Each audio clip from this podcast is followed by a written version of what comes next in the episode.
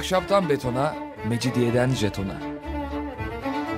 Alameti kerametinden menkul kent hikayeleri.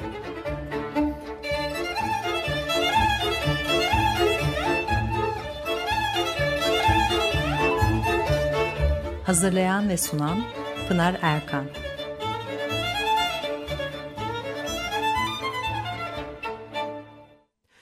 Efendim merhabalar. Bir haftalık aradan sonra beraberiz. 94.9 frekansından yayın yapan Açık Radyo'da Ahşaptan Betona, Mecidiyeden Jeton'a başlamış bulunmakta. Anlatıcınız ben Pınar Erkan. Elektronik posta adresim pinarerkan.yahoo.co.uk Bakalım bugün programımızda neler var? Osmanlı padişahlarının yurt dışı ziyaretleri ve e, karşılığında İstanbul'a gelen batılı imparatorlardan söz edebiliriz biraz. Bu karşılıklı ziyaretler sadece devletin politik, ekonomik ve askeri ilişkilerini etkilemekle kalmış değildir. E, şehir İstanbul tüm bu ziyaretlerden çok etkilenmiştir. 19. yüzyılda kentin biçimlenmesi, gelişmesi bu ziyaretlerden payını almıştır. Şehirdeki toplumsal hayatın da e, zamanın ruhuna uygun olarak değiştiğini, dönüştüğünü görürüz elbette. Mimaride ve kentsel biçimlenmede tüm bu politik, ekonomik, diplomatik ilişkiler ve karşılıklı ziyaretler e, arka planı oluşturmuştur. Onu biraz aktarmaya e, çalışacağım size. Fakat e, bağlantıları hepsini doğrudan kuracak değilim. O kısmı biraz da e, size düşüyor tabii. Osmanlı padişahları fete çıkmadıkları e, sürece e, devletin topraklarından e, ayrılmıyor. Savaş harici bir nedenle yurt dışına Avrupa'ya giden ilk ve son padişah Abdülaziz'dir. Meşhur Paris e, sergisini görmek için gitti Abdülaziz Paris'e. E, 19. yüzyılda sanayi devriminin etkisiyle müthiş bir rekabet doğuyor Avrupa ülkeleri arasında büyük bir e, fuar düzenleyerek ülkenin sanayi üretimini sergileme fikri ilk defa İngiltere'de ortaya çıkıyor. 1851 Londra sergisi bir ilktir. E, Kristal Saray sırf bu amaçla e, inşa edildi. Cam ve demirden oluşan e, yaklaşık işte 92 bin metrekarelik bir sergi alanı sunan bir yapıydı ve bu kadar çok camlı, e, demir iskeletli bir yapı da ilkti. 564 metre uzunluğunda, 39 metre yüksekliğinde e, camdan bir bina. Ee, ve tabii çok ilgi görüyor. 15 bin e, katılımcıya ait 100 bin obje sergilendi. Sergi alanının yarısı Britanya'ya aitti. En büyük yabancı katılımcı ise Fransa'ydı. 6 milyon ziyaretçi o dönemde sergiyi gezdi ve Osmanlı da bu sergiye katıldı. 200 sandık gönderilmiş İstanbul'dan. Daha çok tarım ürünleri ağırlıklı Osmanlı'nın sergisi fakat sandıkları taşıyan Firkateyn geç varıyor Londra'ya. O nedenle de sergilemede de gecikme olmuş. Büyük rekabet vardı dedim Avrupa ülkeleri arasında. Londra sergisinin arkasından e, Fransa'da ikinci sergi düzenleniyor. Osmanlı Devleti bu sergiye de katılıyor. Sonra da İstanbul'da ilk sergi Umumi Osmani açılıyor filan. E, bu sergiler tekrarlanıyor. 1867'de Paris'te, e, 1873'te Viyana'da, 1876'da Philadelphia'da, e, 1878 ve 1889'da yine Paris'te dünya sergileri düzenleniyor. İşte Abdülaziz ilk defa 1867'de e, Paris'teki sergiyi görmek için yurt dışına çıkıyor elbette yüzünü batıya dönmüş bir padişah Abdülaziz. Tüm diğer 19. yüzyıl e, padişahlarının olduğu gibi. E, Arapça, Farsça, Fransızca biliyor. Hat, musiki ve resim dersleri almış. Valsler besteliyor. E, iyi bir sporcu, güreşmeyi seviyor. Hemen her gün sokağa çıkarmış. Atla veya arabayla uzun gezintiler e, yapıyor ve Hekimbaşı çiftliği, Maslak, Kağıthane, Beykoz ormanları, e, e, bebek e, e, buralara gidiyor. Şimdi buralarda e, kır alemleri e, yaparmış ve e, pehlivan güreştirir, at koşturur. İşte efendim kuzular çevirtir, mahiyetine ziyafetler vererek eğlenirmiş. Arabaların en görkemlisi, en güzel atların en şahanesi, yaverlerin ve mabeyincilerin en yakışıklıları, yemeklerin en lezzetlisi Sultan Abdülaziz'in arkasında dolaşırmış. Buradaki önemli nokta saraydan çıktığında nereye gideceğini kimse bilmezmiş ve bu nedenle bütün saraylar hemen her gün padişahın her an geleceği düşünülerek hazır e, tutulurmuş. Aynı şekilde İstanbul'un kent içi ve civar yolları, şoseler sık sık tamir görür. Yeni yollar açılır, işte ağaçlar dikilir ve e, yeşillikler, çiçekler bol bol sulanırmış. Zincirli kuyu, Boğaziçi yolları, Hacı Osman Bayırı, İstinye ve e, Tarabya şoseleri hep e, bu süreçte yapılmıştır. Yani adamın sürekli gezmesi ve nereye gideceğini söylememesi kent içi düzene yaramış bu şekilde o dönemde. Paris sergisine gelirsek 41 ülke var e, katılımcı. 10 milyon ziyaretçiyle o güne dek gerçekleşen en büyük dünya sergisi oluyor bu. E, Prusya Kralı 1. Wilhelm, Rus Çarı 2. Alexander, İsveç Kralı, Hollanda e, kraliçesi, e, e, kraliçe Victoria'nın oğlu Galler prensi ve daha başka birçok devlet yöneticisi de orada e, olacak. Ve Fransızlar şakalaşıyorlarmış gökten kral yağacak diye. O kadar çok prens gelecek ki onları aynı yatakta ikişer ikişer yatırmak zorunda kalacağız diyorlarmış. Fakat Osmanlı Sultanı'nın gitmesi büyük olay. Çünkü Osmanlı Devleti tarihinde ilk defa bir padişah savaş dışı sebeple yurt dışına gidiyor. İçeride de bu e, büyük tepki almıştır elbette. Fransız yazar Mérimée bu sahneyi hayalinde canlandırmakla kalmayıp yazmış. Divanda Paris'e gitme niyetini açıkladığında padişah, vezirlerin hepsi oturdukları yerden düşecek gibi oldular. Her biri ona bir açıdan itiraz etmeye çalıştı. Sadrazam Paris'te cami olmadığını söyledi. Zat-ı şahane cuma namazını nerede kılacaktı?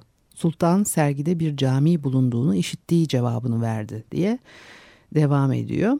Tabii e, Avrupalı'nın bu habere bakış açısı klasik. Merime bu konuda da e, yorum yapmış. İmparatoriçe yemek sofrasına geçmek üzere koluna girince sultanın yüzünün ne hal alacağını merak ediyorum. Bir Türk'ün gözünde bir kadının onun koluna girmesi doğaya aykırı bir olaydır, diyor. Majesteleri tamamen masum bir kalple patavatsızlıklar yapabilir. Biliyorsunuz ömründe asla Üsküdar veya Büyükdere'den uzağa gitmedi ve orada ne tür görgü kuralları öğrendiğini Tanrı bilir diye e, devam ediyor. Belli ki çok bilmiş Mary May e, Sultan'ın 1863'teki Mısır seyahatinden habersiz. Bu da sana kapak olsun Mary May. Çok ayıp etmişsin. Çünkü bir de arkasından haremle ilgili şakalar da yapıyor vesaire. Abdülaziz e, İstanbul'dan 21 Haziran'da Sultaniye yatıyla yola çıkıyor ve kendisine savaş gemileri eşlik ediyor. Yanında yeğenlerinden ikisi var. Biri Şehzade 5. Murat, e, diğeri 2. Abdülhamit. E, padişah ve maiyeti Toulouse limanına varıyor. E, Fransız halkı haftalardır sultanı bekliyor. Gelecekte görecekler diye. Müthiş bir ilgi var, müthiş bir merak var. O nedenle de limana yığılmışlar fakat e, padişah top ve düdük seslerine sinirleniyor. Bu kadar çok insanın orada toplanmış olmasına alay ettiklerini düşünüp dönmek istiyor ve e, Keçecizade Fuat Paşa var yanında. Adam ne yapsın? Geri dönseler büyük skandal olacak beni seren direğine asın gidecekseniz öyle gidin diyor e, artık bundan mı ya da e, bir şekilde ikna edildiğinden mi kalıyor sultan ve dönmüyor. Paris'e trenle gidiyorlar. Bu konuda da Fransızların e, yersiz şakaları söz konusu. Abdülaziz e, daha önce Mısır gezisinde İskenderiye Kahire arasında trene binmişti. elbette veya işte belli ki Fransız abiler bunu bilmiyor ve Osmanlı'ya karşı ne kadar sıkıntıları varsa bunu padişahın e, treni ilk defa görmüş ve çok korkmuş olması üzerine kurguladıkları gerçeği yansıtmayan e, hikayelerle dışa vurup e, rahatlıyorlar. Abdülaziz Paris'te şenliklerle karşılanıyor. E, Sultan için Louvre'dan 14. Louis'nin altın saltanat arabası çıkarılıyor Üçüncü Napolyon onu garda karşılıyor ve geçtiği tüm yol boyunca alkışlatıyor. 3 Temmuz tarihli Le Figaro'da yazdığına göre Paris ahalisi iki ayrı sınıfa bölünmüştü. Sultanı görenler ve görmeyenler. Elize Sarayı'nda kalıyor Abdülaziz ve görmek için geldiği Paris sergisinde geziyor. Türk pavyonu düzenlendi bu sergide. E, padişah yani operaya ziyareti iz bırakmış. Verdi'nin Il Trovatore'sinin e, iki perdesine sıkılmış fakat e, Giselle balesi hoşuna gitmiş. Gazetelerden öğreniyoruz bunları. Efendim padişah çok sempati toplamış ama hayal kırıklığı yaratmış. Çünkü e, Fransızların kafasındaki Binbir Gece masalları hükümdarına hiç benzemiyor Abdülaziz. Fransızca konuşan, müzikten anlayan, varsler besteleyen, kibar, nazik ve e, batılı gibi giyinmiş biri. Çok canları sıkılmış buna Fransız abilerin ve günümüzde dahi tabii e, Amerikan piyasası öyle talep ediyormuş diye e, Türklerin filmlerde fesli betimlendiğini göz önüne alırsak 19. yüzyıl için daha tabii normal karşılanabilecek bir tutum. Paris'ten sonra Londra'ya gidiyor. Windsor Şatosu'nda Kraliçe Victoria'nın konuğu oluyor. Protokol ziyaretlerine katılıyor. Parlamentoya gidiyor. askeri tatbikat izliyor. Tersaneyi geziyor filan. Ve savaş gemileri sipariş ediyor. Ve dönerken de Brüksel, Viyana ve Budapeşte'de de kalıyor. E, bu geziden sonra gözlemleri doğrultusunda pek çok yenilik yapmıştır e, Abdülaziz. E, fakat şimdi ben size yani e, bir de 19. yüzyılda İstanbul'da ağırlanan yabancıları anlatmak istiyorum ama e, bir e, müzik arası verelim ve Abdülaziz'in bestelediği bir eser Valse Davet onu dinleyelim öyle sonra devam edelim.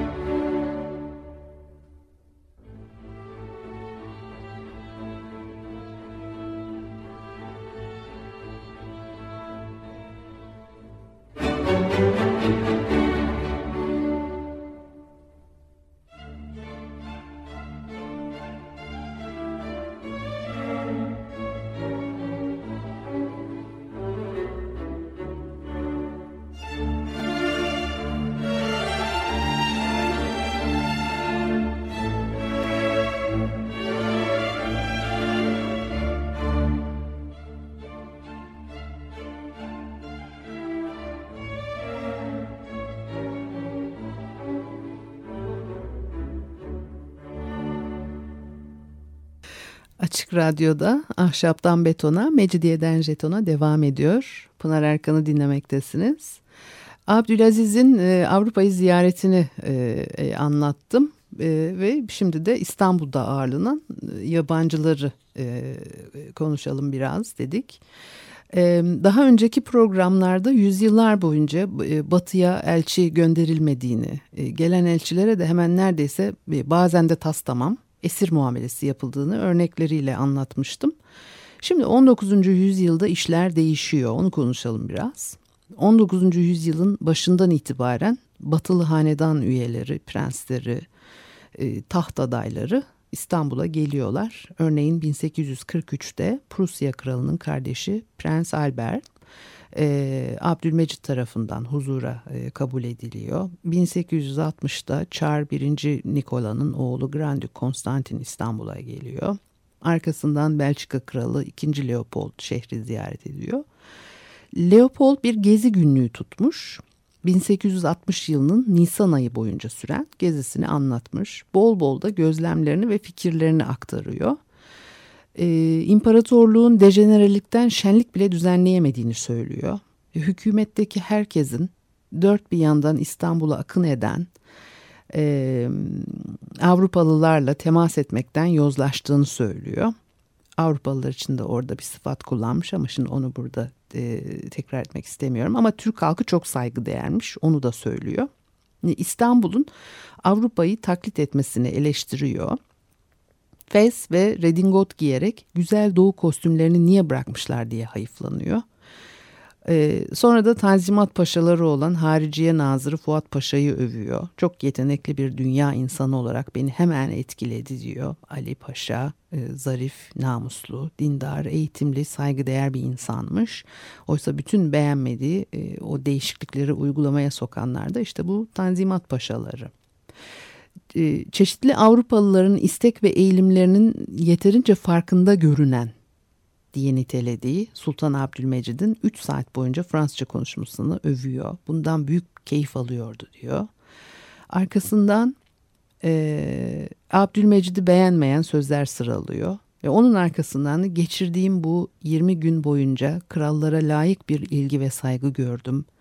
Sultanın konukseverliği de çok ihtişamlı. Ziyaretim Allah bilir sultana 1-2 milyon franka patlamıştır diyor. Başka bir ziyaretçi Bourbon hanedanının son temsilcisi Comte de Chambord e, uzun bir doğu yolculuğu sırasında İstanbul'da kalmış ama padişahın huzuruna çıkmamış o. E, kendisini ağırlayan Türk ileri gelenlerinin yine Fransızca bilmelerini takdir ediyor. Sofra adabını övüyor. Yemekler Türk yemeğiydi ama diğer her şey sofra takımları, kadehler, şarap her şey Avrupa usulüydü diyor. Ve Avrupa'da hakim olan günahın inanç yitiminin Osmanlı İmparatorluğu'na ithal edileceğinden duyduğu kaygıyı e, belirtiyor. Avrupa uygarlığı ile bir şekilde temas kurmuş, dillerimizi konuşan, başkentlerimizde bulunmuş bu Türklerin hiçbiri artık bir şeye inanmıyor. Kendi imanlarını yitirmişler. Yerine de hiçbir şey koymamışlar. Bunlar kolay kanacak insanlar değil. Güçlü beyinler ama giderek derinlemesine ahlaksızlaşıyor ve yozlaşıyorlar diyor. 1867 Paris Dünya Sergisi'nin arkasından e, Abdülaziz bu sefer e, ziyaretçi ağırlamıştır. İmparatoriçe Eugenie İstanbul'a gelmiştir mesela ve çok büyük bir etki yaratıyor onun ziyareti. E, 1869 yılının Ekim ayında geliyorlar. E, Dolmabahçe'de resmi akşam yemeklerine, resepsiyonlara katılıyor. Pera'ya çıkıyor. Katolik Ermeni Kilisesi'nde düzenlenen bir ayine katılıyor ve e, Fransa sefiri diyor ki sultan sürekli olarak çok nazik ve büyülenmiş bir e, görüntü çizdi. Ben de bundan iki yıl önceki Avrupa seyahatine kadar derin bir yalnızlık içinde yaşayan, sofrasına kimseyi kabul etmeyen, bugün ise 120 konuklu yemeklere ev sahipliği yapan, kulüplere giden, diplomatik resepsiyonlara katılan, erkeklerle olduğu kadar kadınlarla da konuşan ve doğunun geleneklerine böylesine ters, yepyeni bir hükümdarlık biçimini hiçbir görünür çaba ve sıkıntı sergilemeden icra eden sultanın bizim Avrupa saraylarının adetlerinde kaydettiği ilerleme karşısında sık sık hayrete düştüm diyor. Ee, Büyük Türk artık bir bilinmez, ulaşılmaz değil. Onu anlıyoruz bu sözlerden. İmparatoriçe e, e, Eugenie'den sonra Prusya veliahtı e, prens geliyor şehre. Bu tabii İmparatoriçe Öjen'i çok etkili dedik. Bundan daha önceki programlarda da söz etmiştim. Bir kere işte Fransızca dilinin daha etkili olması, Fransız mürebbiye e, merakı, modası, e, kadınların e, giyim kuşamları, e, krinolinli e, etekler, elbiseler giymeleri, saçlarını bukle bukle omuzlarına dökmeleri, e, pek çok şey e, İmparatoriçe Öjen'in etkisiyle yani e, şehir yaşantısı içerisinde her şey e, burada da yukarıdan aşağı e, oluyor.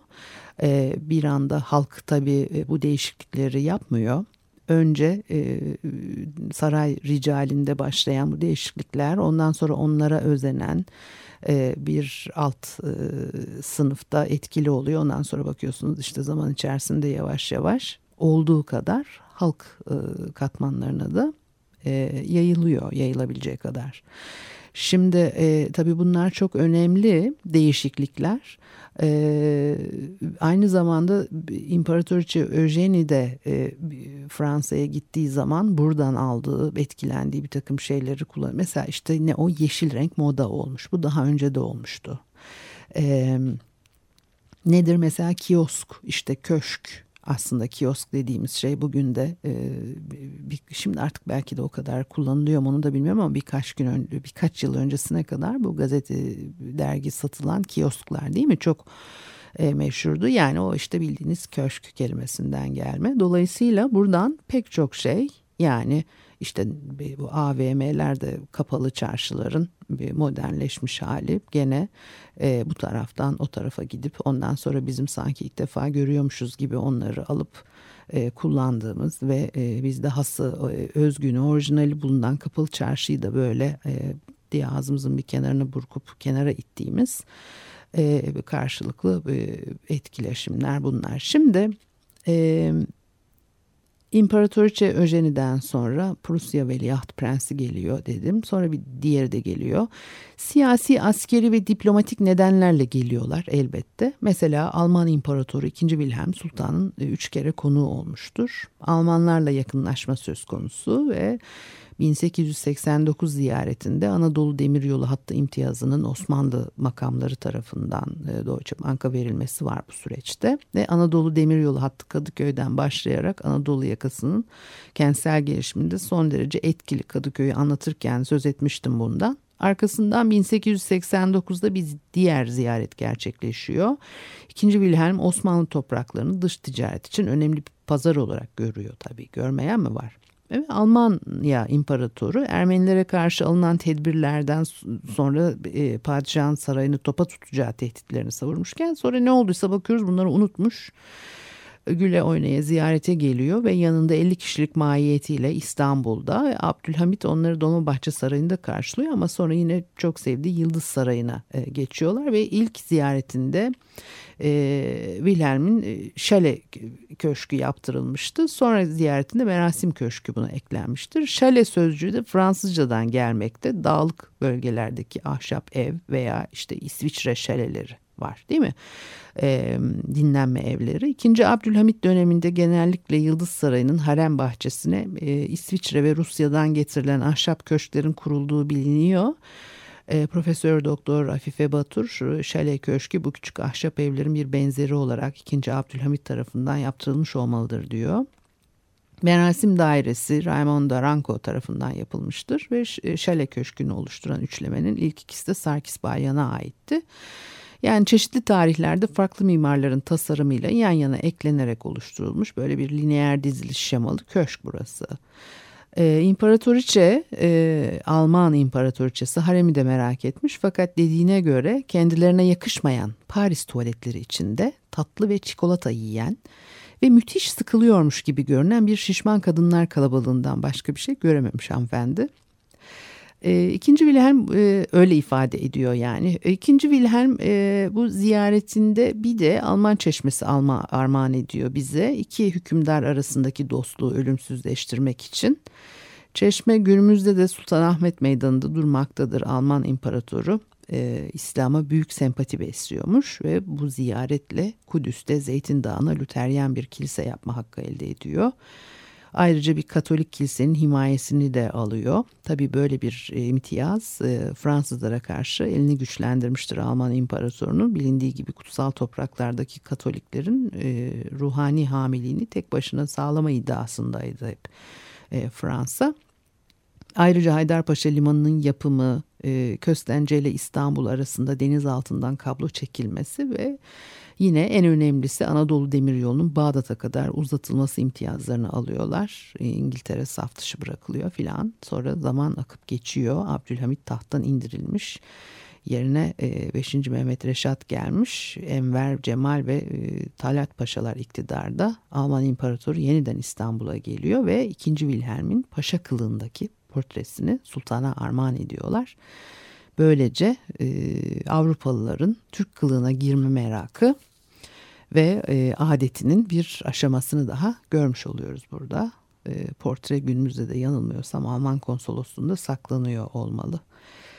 Evet, e, belki başka bir programda sefarethaneleri de anlatırız. Oralarda da son derece enteresan şeyler oluyor. Süremiz doldu bu haftalıkta bu kadarmış. Haftaya görüşene kadar hoşçakalınız.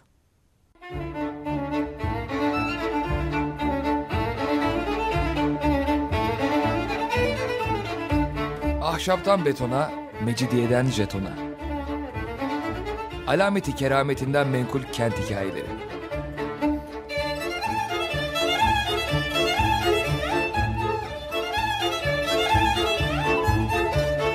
Hazırlayan ve sunan Pınar Erkan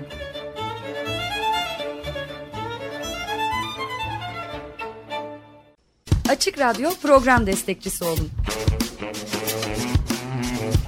Bir veya daha fazla programa destek olmak için 212 alan koduyla 343 41 41